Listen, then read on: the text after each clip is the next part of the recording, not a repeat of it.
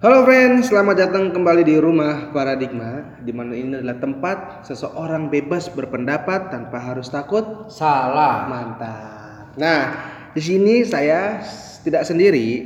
Saya ditemani oleh Muhtadid Asidik. Sarjana Pendidikan dari UIN Bandung ya, Bang. ya. Dan juga salah seorang organisa- organisatoris di eh, Bandung dulu di salah satu kampus di Bandung itu. UIN nggak salah bang ya? UIN. Bandung ya mana anak UIN suaranya? Oke. Oke eh, di sini sesuai dengan temanya ya. Saya dan Bang Adin ini itu Bang Bontot. Nah Bang Bontot panggilnya mu- namanya Muhtadin Asidik. Ada yang manggil Bang Adin tapi lebih khusus dia dipanggilnya Bang Bontot gitu. Sama sama teman-teman organisasinya di eh, Bandung ya. Bandung. dulu apa sih Bang organisasinya Bang Ya, kalau misalnya organisasi ya, memang pertama kali saya menginjak Bandung itu saya tertarik kepada organisasi PMII, oh. Pergerakan Mahasiswa Islam Indonesia. Setelah itu dari beberapa organisasi yang saya ikutin bukan hanya PMII, saya ikut di Kapemasi, Keluarga Pelajar dan Mahasiswa Bekasi, saya ikut di Forum Mahasiswa Alumni Man 1 Bekasi dan alhamdulillah pun saya pernah aktif di Intra di Senat Mahasiswa Universitas. Wih di senat senat mahasiswa Senat ya? Mahasiswa Universitas. Itu eh, gimana pengalaman abang selama menjabat di PMI dulu aja lah. Gimana di PMI? Dulu di PMI sebagai apa? Menjabat sebagai apa? Pertama kali Mapaba itu di tahun 2015. 2015. Di tahun 2015 pertama kali saya masuk itu saya mapaba di Rayon Suludin pada saat itu. Iya Mas Uludin. Rayon Suludin. Nah setelah saya mapaba, alhamdulillah ini mah kalau nggak salah saya ingat saya, saya ingat saya pas di pleno tengah itu saya masuk di kaderisasi pengembangan organisasi sebagai anggota bidang. Anggota bidang. Anggota bidang itu di semester 1 Merintis dari jadi anggota bidang dulu. anggota gitu bidang ya? dulu anggota bidang di kaderisasi pengembangan organisasi pada saat itu saya masih ingat banget ketua bidang saya Bang Burhan orang Bang Burhan, orang Cirebon. Titip salam Bang, Bang Burhan. titip salam buat Bang Burhan Eh, siap, Bang Burhan tuh Bang. Ya. Eh, terus setelah itu kalau di PMI pergantian ketua itu ada yang namanya rapat tahunan anggota rayon Apa tahunan anggota rayon? Eh, setelah zamannya Mang Abdul Patah itu terpilihlah Asep Sumantri yang bernama Asep Sumantri. Pada saat itu ya saya masih sama masih sama di anggota bidang Yang anggota bidang. masih sama anggota bidang di kebijakan kampus kebijakan kampus. Ah. Waktu itu eh, kebijakan abang itu sebagai anggota bidang itu menyeluruh UIN atau hanya di salah satu fakultas aja? hanya di fakultas, Fakultas. di fakultas tarbiyah Tarbiyah. tarbiyah ya biasa ngurus-ngurusin politik-politik kampus Oh. yang kayak begitu dah Jadi dari yang fakultas dulu nih ya. Dari fakultas. yang kecil dulu. Di fakultas ada berapa ini bang? Ada berapa eh, jurusan? waktu zaman saya Berapa kalau prodi? jurusan itu kan ada jurusan PAI jurusan bahasa sama jurusan MIPA dan terbagi prodi. Yang terbagi prodi. sama jurusan manajemen pendidikan Islam. Dan MIPA itu terbagi menjadi prodi. Ada kimia ada fisika ada matematika. Pun di bahasa itu ada pendidikan bahasa Arab ada pendidikan bahasa Inggris.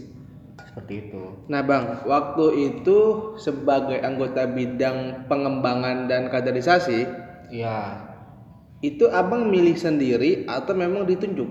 Dan apakah itu berdasarkan minat? Enggak enggak ada berdasarkan minat pada saat itu saya hanya se- ditarik ditarik sama salah satu senior Jatuh nggak jadi tarik gitu? enggak Oh enggak enggak. jatuh Dikira jatuh gitu. kagak enggak jatuh Pas 17 Agustus ditariknya. bukan bendera kan bendera Terus terus. Iya, ditarik sama salah satu senior ya untuk mengisi kekosongan struktur di kaderisasi pengembangan organisasi. Sebenarnya kalau ngomongin minat pada saat itu saya nggak berbicara minat. Ya, nggak berbicara minat, tapi saya berbicaranya proses dan gimana caranya gue di PMI bisa berkembang. Hmm. Nah, setelah saya jadi eh, anggota biro kebijakan kampus, di situ saya naik lagi struktur. Di tahun berikutnya saya naik sebagai sekretaris bidang eksternal, ya kan, sekretaris 2 di rayon Tardarin Keguruan. Di tahun selanjutnya saya naik jadi ketua 2, ketua eksternal. Hmm. Seperti itu.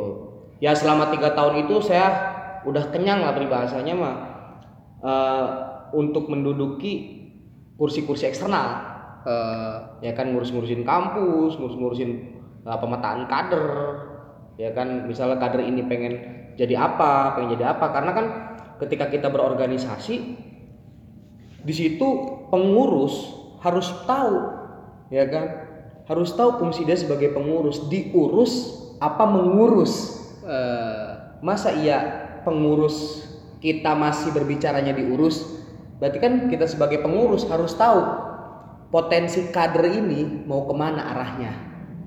Seperti itu. Nah, eh, waktu abang menduduki kursi di eksternal, ada nggak tuh kebijakan-kebijakan yang sampai saat ini masih eh, menjadi andalan adik-adik abang saat ini gitu yang di PMI terbiak? andalan gimana tuh Artinya gini, kan kalau saya pribadi ya, rata-rata itu kalau di kampus, walau nggak semua ya, nggak semua, itu beberapa mahasiswa itu eh, apa ya, punya pengalaman organisasi hanya sekedar ingin diurus, iya ya kan? Hanya sekedar ingin diurus pertama, kedua hanya sekedar mem- memampang eh, Nama CV, CV, CV. CV ya kan, walaupun di CV bahwa saya pernah beror- berorganisasi di sini gitu kan, sebagai ini. Tanpa dia sendiri berkontribusi, tanpa dia sendiri, eh, oke lah berkontribusi tapi kurang maksimal kontribusinya. iya Tanpa dia sendiri membuat kebijakan-kebijakan baru yang visioner ke depannya. Misal ada celah di sini nih, ada ada kekosongan dari eh, kecacatan dalam kaderisasi, bisa gitu ya, dalam memilih eh, atau dalam menyomot kaderisasi lah iya orang-orang yang pengen masuk, eh, pengen masuk gitu ya, direkrut gitu ya. iya Terus bikin tuh ah ini ada yang bolong nih berarti eh, gimana caranya biar merekrut banyak kader. Oh ya kita kita bikin spanduk di UIN UIN bikin spanduk banyak. Jadi dari situ antar banyak ternyata kader yang lebih masuk tuh dengan moto dengan slogan PMI yang yang luar biasa, misalnya yang baru misalkan kampus butuh kamu melalui PMI misalnya Iya. gitu. Wah kampus butuh kita melalui PMI. PMI itu apa ya? Orang jadi nyari tahu, jadi penasaran. Eh dari situlah kebijakan itulah masuk nih banyak yang datang sampai sekarang masih dipakai misalkan kebijakan itu kebijakan itu Iya. ada nggak kebijakan yang yang meninggalkan kesan bagi adik-adik dan sa- saat ini masih dipakai dan sangat berkontribusi besar buat PMI gitu. Iya, oh, oke. Kalau kita berbicaranya pada saat itu saya menjabat gitu ya, memang kan di rayon Tarbiyah sendiri itu kekuatan PMI itu sangat lemah, sangat lemah, karena memang ya biasalah politik ya kan. Pada saat itu lemah gitu. Pada saat itu sangat lemah PMI, Lemah banget atau emang eh, ada kekurangan? ada kekurangan, Berarti bukan terlalu lemah lah ya, bisa Nggak terlalu lemah. Nggak terlalu lemah. Jadi kenapa kita bisa lemah? Karena ya kan memang kita tidak bisa munafik ya. Ketika kita berbicara kaderisasi harus ada personal yang ditaikin di organisasi itu, Eh, ya kan? Harus ada daya jual, ya kan? Ya semisal eh, apa kayak di PMI itu kultur yang dipakai bukan hanya angkatan saya dari dulu itu sudah terpakai. Yang menjadi daya tarik PMI untuk kaderisasi yaitu eh, setiap malam Jumat kita yasinan ratiban. Nah terus yang menjadi kultur pada saat itu ya nggak tahu kalau hari ini ya kan kultur pada saat itu ada yang namanya kajian fakultatif Fakultatif. fakultatif bahas soal apa tuh? ngebahas tentang mata kuliah yang akan dibahas. Ya kan? Jadi semisal hari ini kita ngebahas tentang bab akhlak semisal. Ah, Ya kan? Besok di perkuliahan.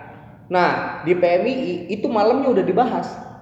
Jadi ketika kita masuk kelas, kenapa pada saat itu PMI terkenal dengan wacananya, terkenal dengan retorikanya? Karena dia sudah dipelajari, ya kan? Mata kuliah tersebut. ya kan itu yang saya rasakan ketika saya berproses di Rayon Tarbiyah pada saat itu terus lagi ada pembelajaran sesuai dengan eh, fakultas kita karena kan fakultas kita itu kan tarbiyah dan keguruan ya kan jadi teman-teman sahabat-sahabat di situ mengadakan les anak-anak sasarannya itu siapa? Anak-anak kecil di sekitaran sekret.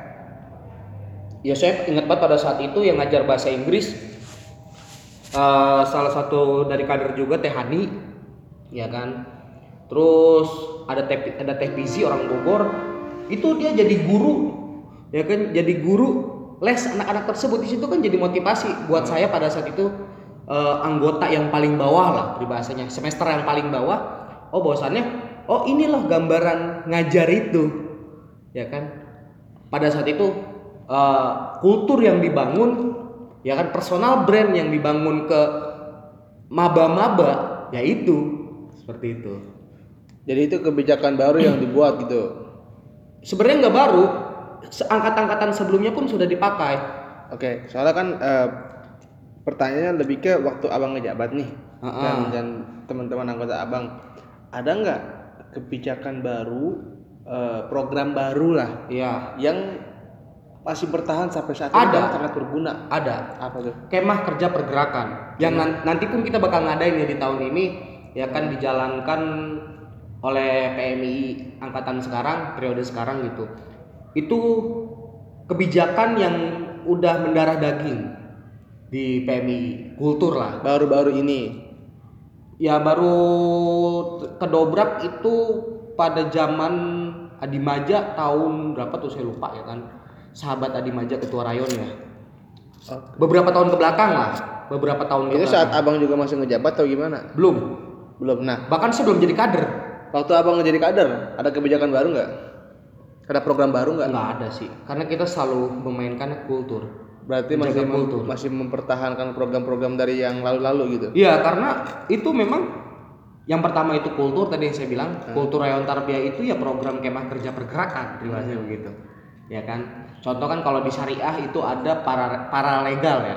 Para legalnya terus kalau di tarbiyah itu ada kemah kerja pergerakan yang sebagai kultur rayon tarbiyah yang nggak bisa dihapus ataupun eh, dihilangkan.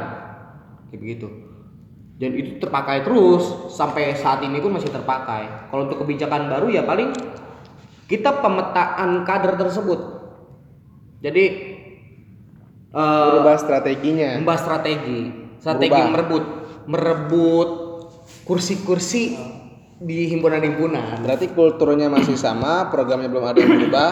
Dari angkatan berapa tuh belum berubah tuh? Kalau nggak salah itu angkatan- angkatan 2011 2011, 2011 ya. 2011 masih bertahan sampai abang jadi kader tuh, sampai abang lulus. Iya. Kebijakan ke program-programnya gitu. iya kepemimpinan sahabat Adimaja Dan eh, teman-teman abang di PMI saat abang ngejabat itu hanya berubah beberapa strateginya aja gitu. iya supaya lebih Menarik. efisien gitu Iya. supaya menarik oke cukup cukup bagus juga ya efektif mungkin ya kalau kalau begitu ya karena mungkin eh, nggak selalu harus ada program baru melainkan program itu kan dibuat berdasarkan adanya satu hajatan kepentingan ya. Biasanya gitu kan? Iya. Ada, ada kepentingan apa atau program yang lama tidak efektif gitu. Atau mungkin program lama, program lama tidak efektif tapi kita hanya merubah strateginya bukan tujuan dari itunya iya baik. Oke. Eh, gimana pengalaman abang itu bisa sampai ke senat tuh bang? Wah ini panjang ceritanya. Panjang. Panjang. Iya. kayaknya waktu kita juga masih panjang. Coba ceritain aja Ya sebenarnya kalau misalnya kita berbicara senat gitu ya, ya memang pada saat itu sampai terbentuknya senat Hmm. karena kan berasaskan berlandaskan bukan berlandaskan perwakilan dari tiap fakultasnya ya perlu saya ketahui gitu ya dan ini bukan menjadi sebuah rahasia lagi bahwasanya di rayon tarbiyah ya kan itu PMII menjadi kaum minoritas lah. Hmm. ya kan? Menjadi kaum minoritas. Untuk melaju ke senat pun perlu beberapa strategi gitu. Ya kan? Anak PMII melaju ke senat itu perlu beberapa strategi. Ya saya per- saya ngerasain lah pada saat itu saya dijegal buat meluncur ke SEMA. Ya kan? Itu apa ya? Serangan-serangan publik itu kencang ya kan bahwasannya ada sebuah pamflet tidak mengakui bahwasannya Mutadin Asidik ini sebagai perwakilan SEMA dari Fakultas Tarbiyah. Itu bahkan sampai ada yang seperti itu. Ya kan berarti kan tekanan di sini sangat kuat. Ya mungkin sini saya nggak bisa gitu ya menceritakan strateginya pada saat itu seperti apa. Tapi yang jelas di sini saya memainkan strategi pendekatan ya kan pendekat entah pendekatan saya terhadap birokrasi entah pendekatan saya terhadap mahasiswa ya kan? Ya pada intinya pada saat itu secara administrasi saya selesai. Ya kan? Ya karena memang gejolak politiknya itu yang sangat kuat di Tarbiyah ya kan? Ya itu hanya serangan-serangan publik tapi tidak bisa untuk merobohkan saya untuk maju ke SEMA karena ya paham di dalam berpolitik ketika administrasi selesai ya masa ya kita dipersalahkan? Ya kan? Terus ya backupan pun kita kudu kencang gitu ya kan backupan. Ya mungkin buat kelasan mahasiswa belum ada lah yang namanya money politik. Ya kan? Belum ada lah. Ya paling kita hanya berbicaranya relasi. Dan kuda merek apa nih yang lu tunggangi? Kayak begitu. Kalau waktu mahasiswa tuh kalau nggak ada politik uang terus apa berarti? Kita makanya ini kan relasi relasi organisasi Eh, jalur relasi pakai uang nggak tuh? Kayak kita datang traktir teman-teman gitu. Nah, kan itu mah beda beda konteks. Kan kalau kita bermain money politik, nih Wak, misalnya ke ente, nih Bang, Hmm. 5 juta, coblos gua. Oh itu. Kan yang namanya konsolidasi, ya kan kalau kata orang Sunda mah pirako ya, ngopi-ngopi mah eueuh. Kan gitu peribahasa nama. Berarti eh, apa alibi-alibi para politisi yang mengatakan politik uang itu ada dan perlu karena harus mengeluarkan uang untuk mendekati masyarakat itu hanya sekedar alibi aja gitu ya. Alibi bagi saya. alibi karena kan banyak tuh politis juga yang bilang ya politik uang pasti ada lah karena kita kan butuh modal untuk ngedeketin eh, warga ngobrol sama warga ngopi kan pakai uang paling Iya. ke rumah saya ya kan kumpul-kumpul Sebenarnya itu mah bukan uang. bukan berarti itu bukan politik uang bukan di, nggak apa ya nggak bisa kita sebut politik uang. politik uang itu ketika hari Bom. pencoblosan Iya. anda memilih mem- apa memberikan or- orang uang Mm-mm. untuk mempengaruhi pilihannya gitu Iya. jadi pilih saya ini uang buat anda gitu Abang pernah nggak dengar nggak tuh ketika pencoblosan? Nih bu, pego, coblos saya. Pernah dengar nggak abang? Misalnya gitu, 150 ribu nih bang, Ah. coblos saya. Nah itu eh, politik uang, ya kan? Ya peribahasanya mah ketika misalnya kita datang ke sini ngopi, kita yang ngebayarin, ya kita anggap itu ya stigma berpikir kita harus dirubah. Itu bukan money politik, tapi eh, apa? ketika kita punya rezeki apa salahnya gitu ya kan kita ya ketika misalnya hari ini kita yang undang ngopi masa iya tamu yang ngejamu iya kan gitu Berarti kalau kita ngundang orang ngopi buat ngobrolin masalah strategi eh, perang kita ya saat Iya. pemilihan itu bukan politik uang ya, iya melainkan karena kita kan punya hajat ada hajat gitu. iya kita yang hajat ya kita yang ngeluarin Yang ngeluarin. Oke. iya kan gitu Nah, menurut Abang organisasi itu apa sih? Ini secara bahasa apa secara apa? Secara bahasa, ya kan kalau secara bahasa jelas organisasi itu sekumpulan secara orang. istilah, ya kan? Kumpulan orang di mana banyak orang banyak pemikiran ya kan? Banyak tujuan dan gimana caranya tujuan itu kita jalankan secara bersama-sama. Itu kan organisasi ya secara bahasa simpelnya lah. Hmm. cuman kalau misalnya di sini saya eh, punya beberapa garis besar gitu mengenai organisasi gitu ya. Sebenarnya bukan hanya itu gitu. Bukan hanya kit- organisasi itu bukan bukan hanya bukan hanya sebuah wadah bukan hanya sebuah wadah untuk menuangkan pemikiran bukan hanya sampai situ. Tapi organisasi yang bisa dikatakan benar-benar organisasi di situ dia bisa memahami potensi kadernya dan organisasi itu sebisa mungkin menjadi wadah ekspresi si kader tersebut. Bukan hanya wadah pemikiran, tapi wadah ekspresi. Semisal eh, di salah satu organisasi itu ada yang pengen A, ya kan? Katakan eh, orang itu si kader itu berminat di dalam dunia politik, si kader itu berminat dalam dunia sosial, si kader itu berminat dalam bidang eh, pengajian, ya kan? Semisal. Nah di situ kan organisasi, ya kan? berhak wajib untuk memfasilitasi semua itu ya kan jadi bukan hanya kita fokus kajian juga kurang bagus. Kita fokus berpikir juga kurang bagus. Kita fokus dalam hal pergerakan juga kurang bagus menurut saya. Ya kan? Jadi yang namanya organisasi gimana caranya menuangkan kader? Eh apa? Menyatukan kader mencari potensi kader setelah potensi itu sudah terbentuk keluarkan. Saya selalu bilang seperti ini ya kan? Kepada teman-teman abang po Kapemasi gitu ya. Gimana caranya kader Kapemasi ketika keluar ya kan? Ketika berada di hutan menjadi macan ketika berada di laut menjadi hiu.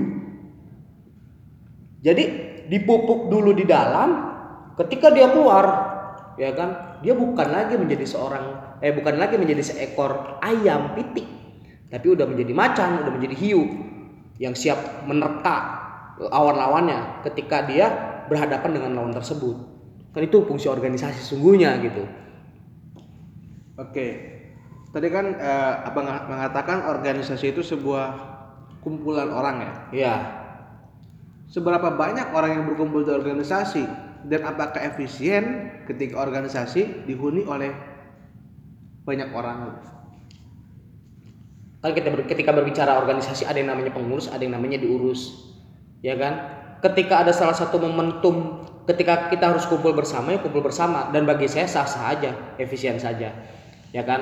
Tapi ketika kita eh, mengkonsep ataupun menggagas sebuah acara itu kumpul semua bersama anggota kurang bagi saya. Ya kan? Ya, itu emang harus ada gerakan pengurus yang harus mengkonsep dan segala macam. Enggak maksud saya itu eh, seberapa efisiennya organisasi jika dihuni atau di strukturnya itu eh, begitu banyak orang gitu dalam struktur organisasi. Sebenarnya Seberapa ya, Bang, efisiennya? bagi saya gitu ya untuk menjadi struktur nggak perlulah kita puluhan orang maksudnya dalam arti sampai 60 sampai 70 bahkan sampai ada yang cepet Hmm. Ya kan? Oh ada yang cepet gitu. bahkan sampai ada yang cepet ya kan? Bagi saya itu kurang efektif. Kenapa saya bisa katakan seperti itu?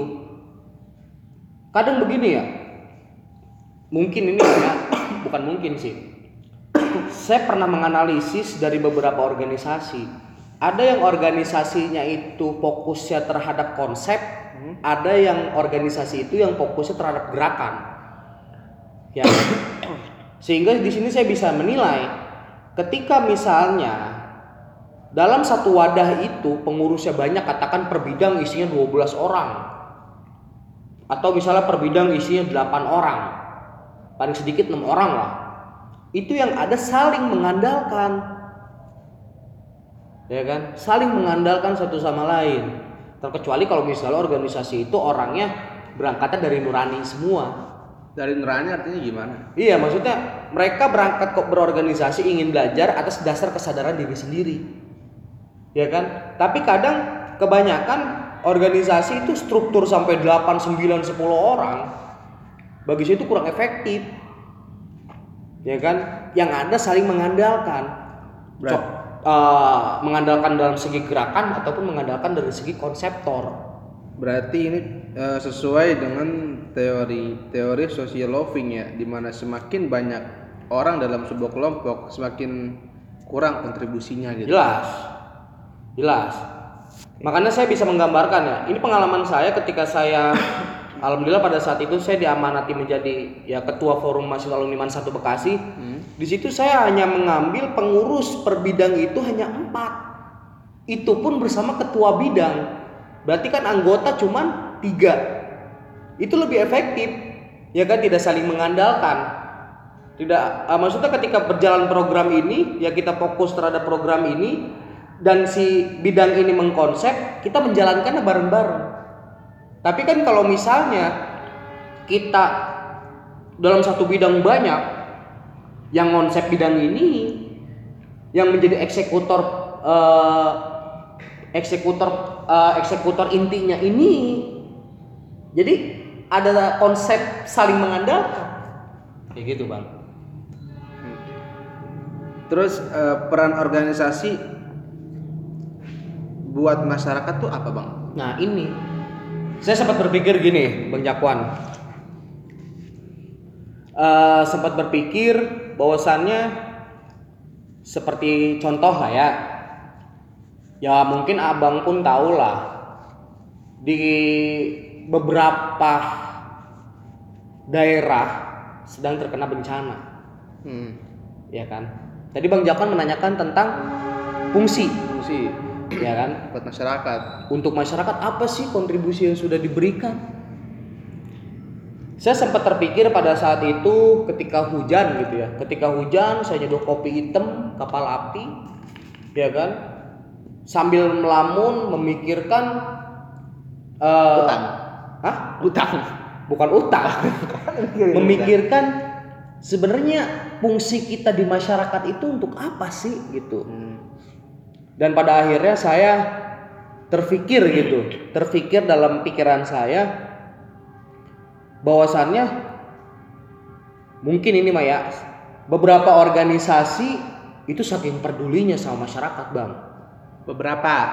oh, enggak semua organisasi hari ini itu sedang sangat peduli dengan Yakin semua nih. masyarakat ini Nah. makan hanya mungkin Ah. ya kan Berarti beberapa kalau mungkin. Beberapa organisasi peduli. saya menganggapnya semua aja karena saya husnuzon aja terhadap organisasi itu nggak husnuzon aja nggak mau menganggap ah hanya beberapa makanya saya semua aja semua organisasi saya katakan dan kita lihat gitu ya karena ada bencana dari beberapa organisasi semuanya pada menggalang dana. Itu kan bentuk kepedulian kita terhadap ya sahabat daerah kita lah yang sedang terkena bencana. Cuman yang saya sayangkan di sini gitu ya bang, yang saya sayangkan di sini mereka hanya terfokus kepada gerakan mencari dana atau dalam arti hal aksi di jalan. Tanpa ada yang bergerak audiensi ke BPBD ataupun ke eh, apa yang menanggulangi bencana tersebut. BNPB. Iya, BNPB. Kalau buat kelas nasional ya, Ya kan setiap kabupaten kan di kabupaten ada BPBD. eh, Ya kan, bantuan eh Badan Penanggulangan Bencana Daerah. Ya kan? Seharusnya di situ saya sempat berpikir begini, Bang. Oke lah, ada gerakan aksi di jalan. Saya nggak menyalahkan, ya kan?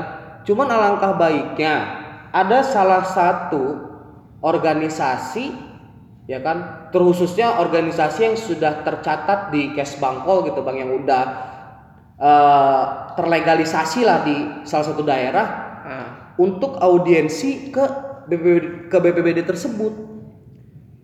Audiensinya apa isinya? Audiensinya itu ke eh mengenai antisipasi bencana. Kita lihatlah sekarang mungkin abang pun mengetahuinya lah. Oke, eh, saya potong bentar nih ya. Iya. Berarti maksud abang itu kalau ada bencana itu nggak usah nggak usah ke jalan.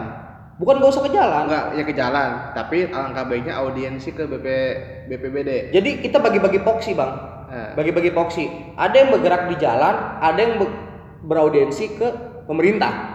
Jadi nggak semuanya harus turun ke jalan, khususnya untuk organisasi yang sudah terlegalisasi. lah itu kalau ke BPBD mereka ngapain? Audiensi Untuk minta uang. bukan minta uang, audiensi untuk bagaimana caranya nih ya kan? Kan bencananya- si pemerintah ini mengantisipasi. kan bencananya di sana bang di Kalimantan Kan kita bukan hanya Kalimantan, pasti di Kalimantan pun ada BPBD-nya.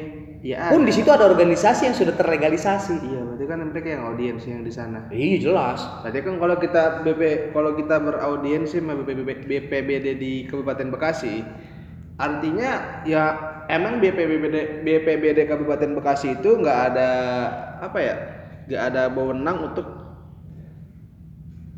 apa kita ajak audiensi Mengintervensi. Iya mengintervensi masalah yang ada di daerah lain. Tapi saya bang Iya. meyakini kita lihat sekarang kondisi Kabupaten Bekasi hari ini musimnya. Hmm. Ya mungkin saya bukan mungkin lagi. Saya sudah melihat beberapa media ya kan di pasir di Muara Gembong khususnya itu sudah banjir. Ya kan? Terus di eh, Sukawangi saya dengar berita itu sudah banjir di Cabang Bungin. Saya ngeliat status sahabat saya gitu ya. Itu sudah banjir. Oke.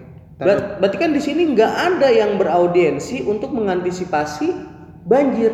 Jadi beraudiensi bagaimana caranya si pemerintah itu men- menanggulangi bencana itu pra bencana bukan pasca bencana. Tapi kan bencana nggak bisa di apa nggak bisa diprediksi bang. Tapi kan bang bisa digambarkan dalam arti hal semisal ya kayak di Muara Gembong nih itu banjir karena apa? Semisal rumahnya padat atau terlalu banyak bangunan eh solokan-solokan air tertutup. Kalau rumah padat biasanya bukan banjir bang, Apa tuh? kebakaran. Ente bisa aja wan. Iya kan? Canda. Padat penduduk. Iya kan? Iya maksudnya kan aneh tadi jadi salah paham tuh kan. Mm-mm. Ada bencana, Indonesia lagi banyak bencana, Mm-mm. Menggalang dana organisasi kan banyak organisasi yang menggalang dana. Iya. Tapi karena ke Kalimantan, terus ante bilangnya "Ma- Kalimantan, Manado, eh, Sulawesi Hmm, Selatan, saya nggak bilang Manado, yang gempa tuh kan, Manado yang banjir bandang kan. Sumedang, Bogor. Iya banyak kan ya. Mm. Terus tiba-tiba ente dari menggalang dana, alangkah baiknya juga audiensi, audiensi ke BPBD. Sedangkan yang bencana, setahu saya itu orang banyak banyak menggalang bencana itu ya buat Kalimantan, buat ini, buat ini, daerah-daerah yang di luar Kabupaten Bekasi. Mm-mm. Untuk apa kita audiensi ke BPBD Kabupaten Bekasi? Gitu maksud saya. Saya kan nggak menginstruksikan orang itu untuk beraudiensi ke Kabupaten Bekasi, Bang. Iya, tapi kan Saya menginstruksikan beberapa organisasi yang sudah terlegalisasi di daerah, Aha, ya kan, untuk beraudiensi. Jadi mereka nggak hanya fokus aksi di jalan, aha. tapi di eh, tapi ada ada yang beraudiensi. Iya berarti kan maksud abang dari situ tuh kita menggalang dana untuk orang yang ada di daerah lain saudara kita kan, yang kena bencana. Iya. Tapi kita juga membuat au- audiensi ke BPBD supaya apa yang terjadi sama mereka tidak terjadi ke kita. gitu Betul, maksudnya. itu maksud saya. Berarti kurang lengkap tadi bang. Lah kan saya belum selesai udah dipotong Oh. sama abang. Gitu iya iya. Ya makanya saya jadi bingung tadi itu. Makanya saya potong dulu tuh. Ini ke mana nih offset nih masalahnya. Nah makanya kan sebelum saya selesai menjelaskan, dengarkan dulu biar kelar. Kalau Oh, iya. orang Betawi begitu bang. Iya. Ini Romana pisang goreng enak juga nih bang. Enak kan tuh. Ya. Makan makan makan. Oke. eh jadi seberapa dalam seharusnya fungsi organisasi buat masyarakat? Seberapa penting? Secara menyeluruh organisasi menyeluruh. Apa kontribusinya buat masyarakat dari aspek sosial, ekonomi, aspek politik, aspek, ya, dan aspek, aspek lainnya gitu. Apa peran pentingnya sebenarnya mereka tuh? Lalu bang, makan pisang goreng dulu. Iya.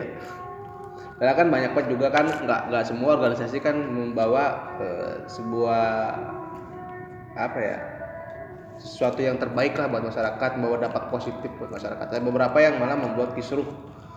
Ya kan? Kisruh contohnya gimana tuh bang? Ah, nggak ya nggak inilah, nggak nggak jarang lah kita dengar ada beberapa organisasi masyarakat yang berkelahi di jalan. Waduh, iya.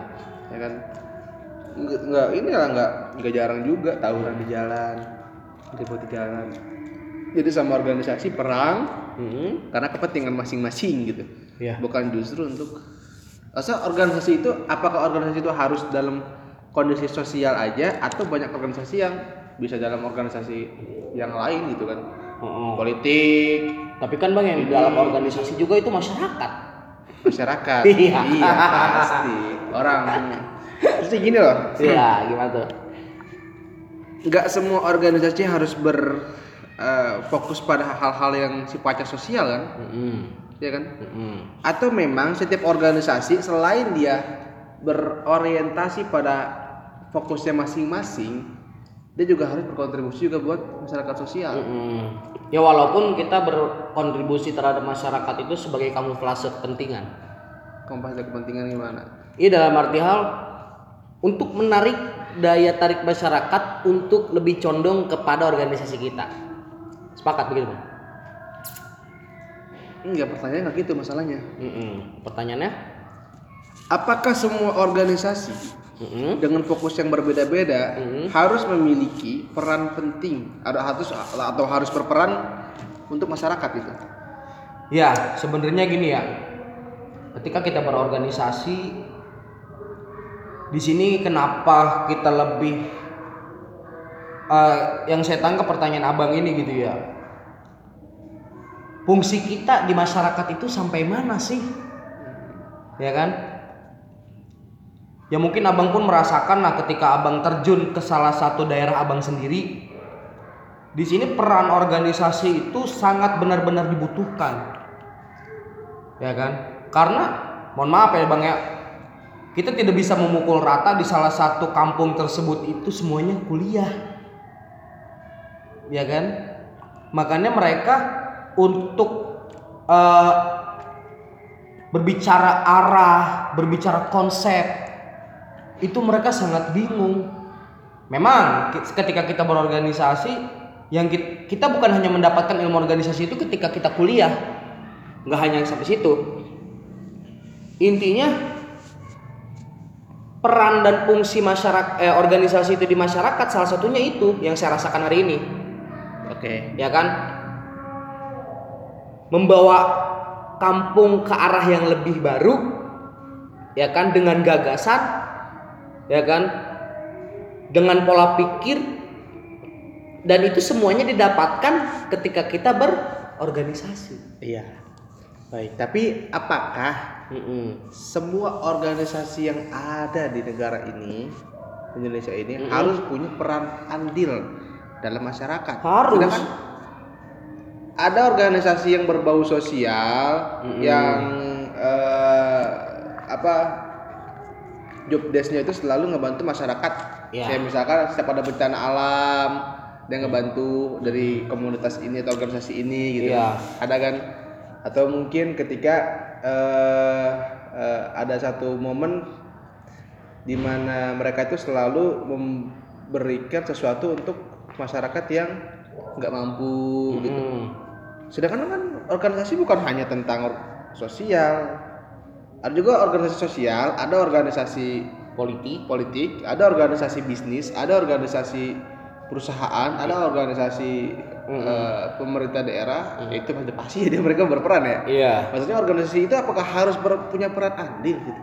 sebenarnya Bang, organisasi iya. bisnis, Mm-mm. apa peran andil mereka buat masyarakat? Sedangkan mereka kan yang dipikirkan adalah bisnis, bisnis, bisnis, bisnis.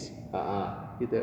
Itu nggak sih pikiran mereka? Ya ya gitu lah nggak bisa dipungkiri lah bisnis namanya. Tapi tetap sih bang, mau dia condongnya, eh, mau condongnya, mau dia arahnya ke bisnis, mau arahnya politik, mau arahnya eh, apa pun itu, tetap pasti yang menjadi program besar mereka itu untuk kesejahteraan sosial. Sejalan sosial. Masyarakat lagi-lagi berbicara. oke apakah itu itu udah udah udah berhasil sejauh ini menurut abang apakah udah ada eh, apa namanya itu udah ada keberhasilan dari setiap organisasi itu untuk kesejahteraan masyarakat ini Saya tidak bisa mempresentasekan ya. Baik. Nah dari dari sekian banyak kan eh, terakhir tuh aneh baca berita ya tingkat kemiskinan di Jawa Barat tuh makin meningkat. Kita nggak usah jauh-jauh ya, nggak tahu kalau Indonesia ya, tapi Jawa Barat aja dulu daerah Indonesia itu makin meningkat semenjak pandemi, apalagi banyak yang DPHK, gitu kan. Kira-kira kalau menurut abang nih, apakah sebuah organisasi itu juga harus punya punya peran di saat momen seperti itu? Saat lihat data statistik Jawa Barat semakin banyak orang miskinnya. Justru bang, organisasi-organisasi pun mereka terkunci oleh sistem pemerintah yang dibuat oleh pemerintah. Seperti halnya contohnya hari ini ya PPKM lah katakan. Hmm. Organisasi semuanya terkunci. Lalu PPKM itu apa? Ntar ada yang nggak ngerti. Apa? PPKM. Ya kepanjangannya PPKM. PPKM kepanjangannya apa? Di. Ente katanya. Iya.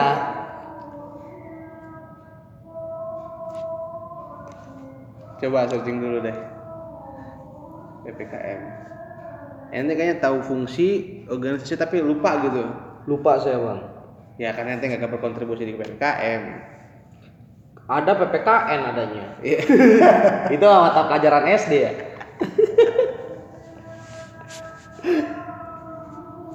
Susah lah kita.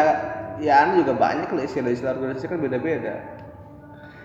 Sekarang banyak banget singkatan sih bang yang dibuat oleh pemerintah segala PSBB. Tahu kayak hidup Iya yang kan? dipersingkat. Tapi jabatannya gue singkat gitu ya. Lagi jabatan lebih singkat. gue singkat masa jabatannya. Iya, banyak banget singkatan sekarang. Ya kan?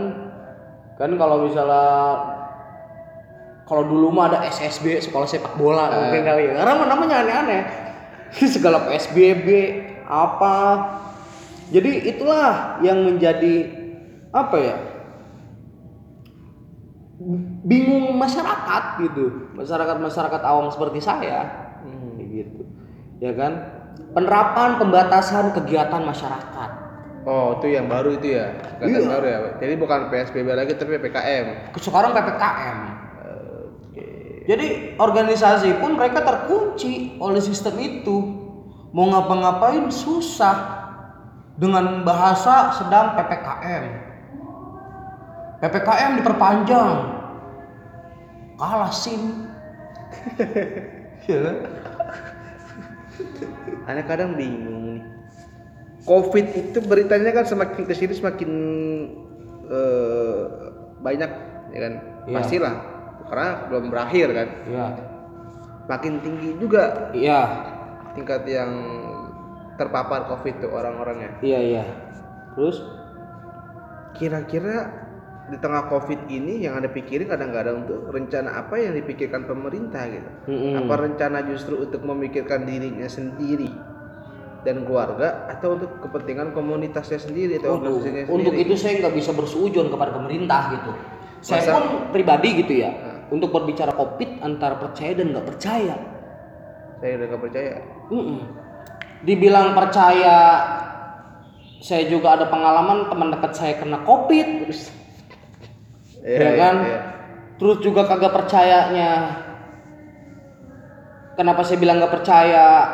Karena ente belum Setelah pernah saya ya? pulang dari dari eh, dari tempat tempat nongkrong ke rumah, Heeh. itu saya ngelewatin pasar. Ya kan katanya COVID ketika bersentuhan menular. Ya kan? Buktinya sehat-sehat aja. Lah iya. Bahkan sampai sekarang aneh sakit perut mules, kebelet BAB, ya kan? Susah buang air besar katakan. nggak kebelet nggak kebelet BAB bang diare. Diare, Berak-berak. berak-berak. Eh, Kembali gitu. Itu sekarang disebut COVID. Covid. Sekarang ada lagi tuh. Apa ya itu bahasa yang lidah itu merah-merah gitu tuh. Merah tapi sininya pada Makan gulali deh. Bukan. Apa tuh? Permen kaki. Iya pengen kaki. Merah-merah. Ini merah tapi di bagian kulit lainnya agak keputih-putihan. Iya pucat lah muka Kayak pucat. pucat gitu kan. Iya kalau kalau kalau kata, kalau kata penyakit dulu mah dia lagi sumeng. Ya, sumeng. Mm-mm. Itu yang katanya covid. Sekarang COVID. Nah itu Dibilang saya juga tapi nggak bisa sih bersujon. Iya. Tapi pada intinya Karena banyak yang kena covid juga kan ya. Iya. Banyak yang meninggal juga karena covid. Bahkan seorang profesor besar, profesor doktor dan seorang dokter kena covid dan wafat. iya Berarti kan benar dong. Profesor aja percaya dan tahu kan. Masa kita enggak ke profesor ya? Gitu. ah mungkin itu lagi hokinya aja. Oke. Lagi hokinya dia meninggal. Bukan hoki yang apa? Apa tuh? Apa sekian hoki? Iya lah. Karena ente kena covid, terus ente wafat, ya apes wafatnya karena covid, Iya. gitu loh. Gak mungkin gak apes. Kan kalau aneh pun nih, aneh aneh ujubillah. Kalau sampai kena covid terus wafat, ya apes aneh. Wafatnya karena covid. Tapi kan covid itu bahaya emang kalau emang kita itu punya Mm-mm. penyakit bawaan bang Apa tuh contohnya? kayak mungkin diabetes hipertensi itu kena covid fat kita ntar bahaya Iya. angkat aja telepon itu dulu nggak apa-apa Ah, tar aja biarin. Kalau ini kan Nomor tidak terduga ini kagak ada namanya. namanya nanti temen teh Nggak tahu nih siapa. Ini namanya siapa lagi lo merage Romla, Romla ya. Kita namain langsung Romla. Oke bang, berarti di tengah pandemi ini justru organisasi terkunci nih ya. Terkunci, Dia nggak bisa bergerak gitu. nggak bisa bergerak. Berarti namanya bukan pergerakan lagi dong, nanti berubah. Bukan sih bang, tetap namanya pergerakan. Kita hanya sistem. Ya, jadi segala ngapa-ngapain pun di daerah tersebut itu susah karena ada ppkm. Nah, Ya kan sistem yang dibuat oleh pemerintah yang gimana organisasi dibilang pergerakan dan yang kegerak? Kan PSBB, berarti ganti dong. untuk secara nama ya tetap bang, dia tetap ah, ya entah pergerakan ataupun himpunan ataupun apa pun itu namanya. Dia bergerakan ganti isolasi ya tuh. Berarti isolasi mahasiswa Islam Indonesia. Ya. Oh, iya. nggak bisa bergerakan, nggak bisa bergerak karena mata dulu. Bisa aja Iya. ente. gerak, ente ditangkap ntar. Langkah protokol. Pokoknya intinya sekarang ya untuk merubah stigma COVID hari ini coba gitu. Nggak kan- usah lah tampilkan lagi beberapa media tentang eh, apa tuh bang? Yang 60% dan 20% bahkan naik 1000 gitu ya kan yang terkena COVID. Iya, Hilangkan berita-berita itu, ya kan? Terus eh, stop anggaran COVID. Saya yakin COVID bakal hilang. Covid itu sebentar nggak akan hilang sih bang menurut anda? Nggak akan hilang. Karena ya kan? udah jadi penyakit baru. Mana kit?